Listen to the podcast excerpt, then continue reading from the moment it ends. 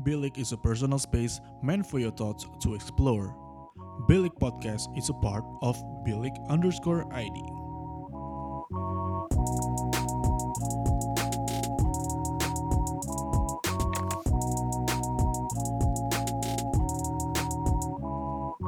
Bilik, your thoughts matter.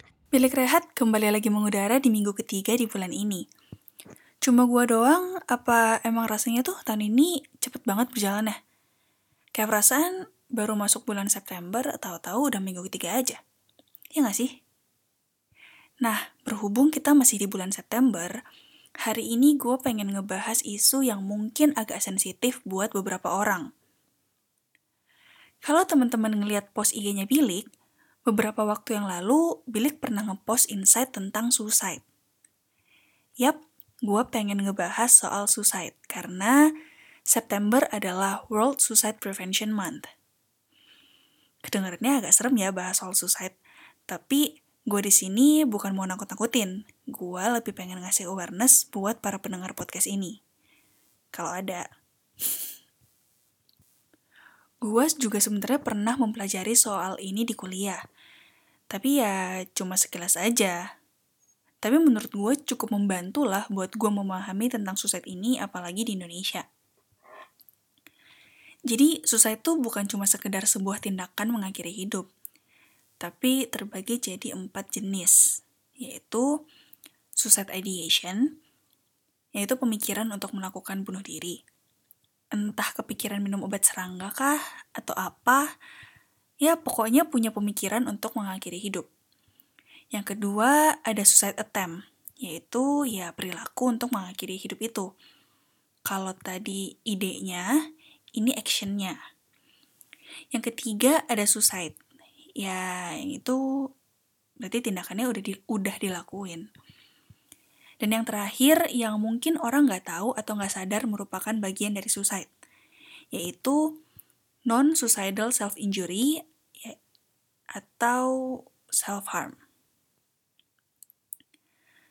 BTW ini bukan gua kasih ide untuk seseorang melakukan tindakan ini ya. Nah, sebenarnya apa sih yang membuat seseorang mungkin melakukan suicide? Menurut jurnal penelitian yang gue baca, ada beberapa hal yang mungkin mengakibatkan seseorang akhirnya memutuskan untuk mengakhiri hidupnya. Seperti psychological disorder. Ya dari jurnal itu katanya hampir sebagian besar orang yang mengakhiri hidupnya itu karena punya depresi. Terus ada juga karena faktor sosial dan ekonomi, seperti korban bully atau orang yang mengalami kebangkrutan. Terus ada juga yang karena hopeless dan kurangnya life satisfaction. Kalau di Indonesia, Biasanya itu terjadi karena masalah percintaan. And yes, this is real. Masalah percintaan. Atau anak-anak dari keluarga broken home. Dan ada juga karena masalah di sekolah. Entah itu karena bully atau karena masalah akademis. Tapi sekali lagi gue tekankan, gue di sini memberikan informasi supaya teman-teman bisa lebih aware dengan keadaan yang terjadi di sekitar kita dan bukan dijadikan alasan untuk seseorang mengakhiri hidupnya. Jujur gue pribadi pas lagi research dan nulis naskah buat bikin podcast ini, hati gue seperti kesobek-sobek. Mengingat seberapa banyak orang-orang di sekitar gue yang mungkin suffer sama hal ini tapi gue gak tahu dan mereka juga enggan untuk bercerita karena mungkin takut jadi beban buat orang lain. This really breaks my heart. Gue pernah dapat pesan dari dosen gue yang gak bakal pernah gue lupain. Katanya, kita gak boleh ngejudge orang yang melakukan self-harm. Kenapa? Karena kita gak tahu apa yang mereka sudah lalui dan apa aja yang mereka rasakan atau pendam. Bisa jadi mereka melakukan self-harm karena mereka udah gak kuat menahan the pain inside. Jadi untuk mendistraksi rasa sakit itu, mereka memilih untuk melukai fisiknya, biar sakitnya pindah aja. Well, kalau ini nggak bikin kalian patah hati, gue nggak ngerti lagi sih. Oke, tapi di sini gue bukan mau kasih informasi yang serem-serem aja. Gue juga punya beberapa tips buat teman-teman yang mungkin mengalami hal ini. Apa yang harus gue lakukan kalau seandainya gue punya pemikiran untuk mengakhiri hidup gue? Jadi di sini gue akan kasih tips semacam safety plan gitu. Nah yang pertama, kita harus belajar dan tahu tentang coping skills yang kita punya. Misalnya, apa yang bisa ngebantu kita untuk tenang kalau kita lagi merasa tertekan? Olahraga kah?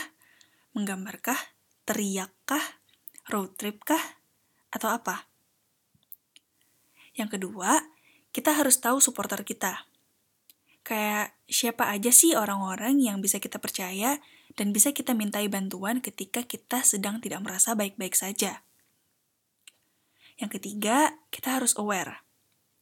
Apa sih tanda-tanda atau warning sign ketika kita merasa distressed atau punya pemikiran tentang suicide? Apakah kita jadi impulsif? Atau tidak jadi produktif? Atau kalau lihat benda tajam mikirnya langsung melayang-layang atau atau apa? Dan yang terakhir adalah cari bantuan profesional seperti psikolog, psikiater, atau konselor.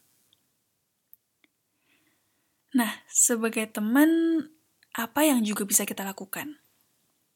Menurut gua, yang pertama kita harus peka. Apakah teman kita jadi berbeda dari biasanya. Terus apa yang berbeda? Nah kalau kalau kita masih nggak tahu, tapi kita merasa dia beda, kita bisa nanya kabar dia.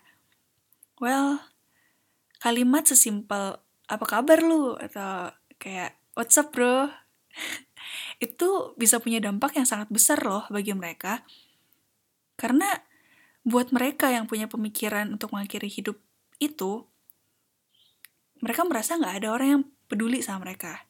Dengan kita nanya kabar ke mereka, itu jadi ngingetin mereka kalau masih ada orang yang peduli sama mereka.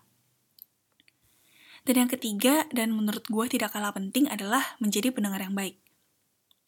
Please, jangan dijudge.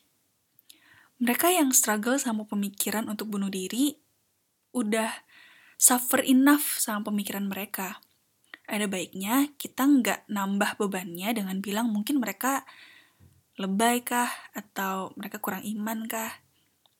Ya cukup didengerin aja dan kalau mereka minta saran atau pendapat, kita bisa kasih support dan ingetin mereka kalau mereka itu nggak sendirian.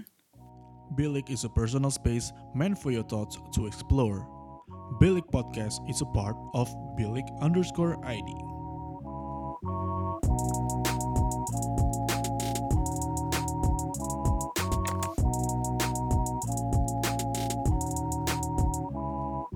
Billy, your thoughts matter.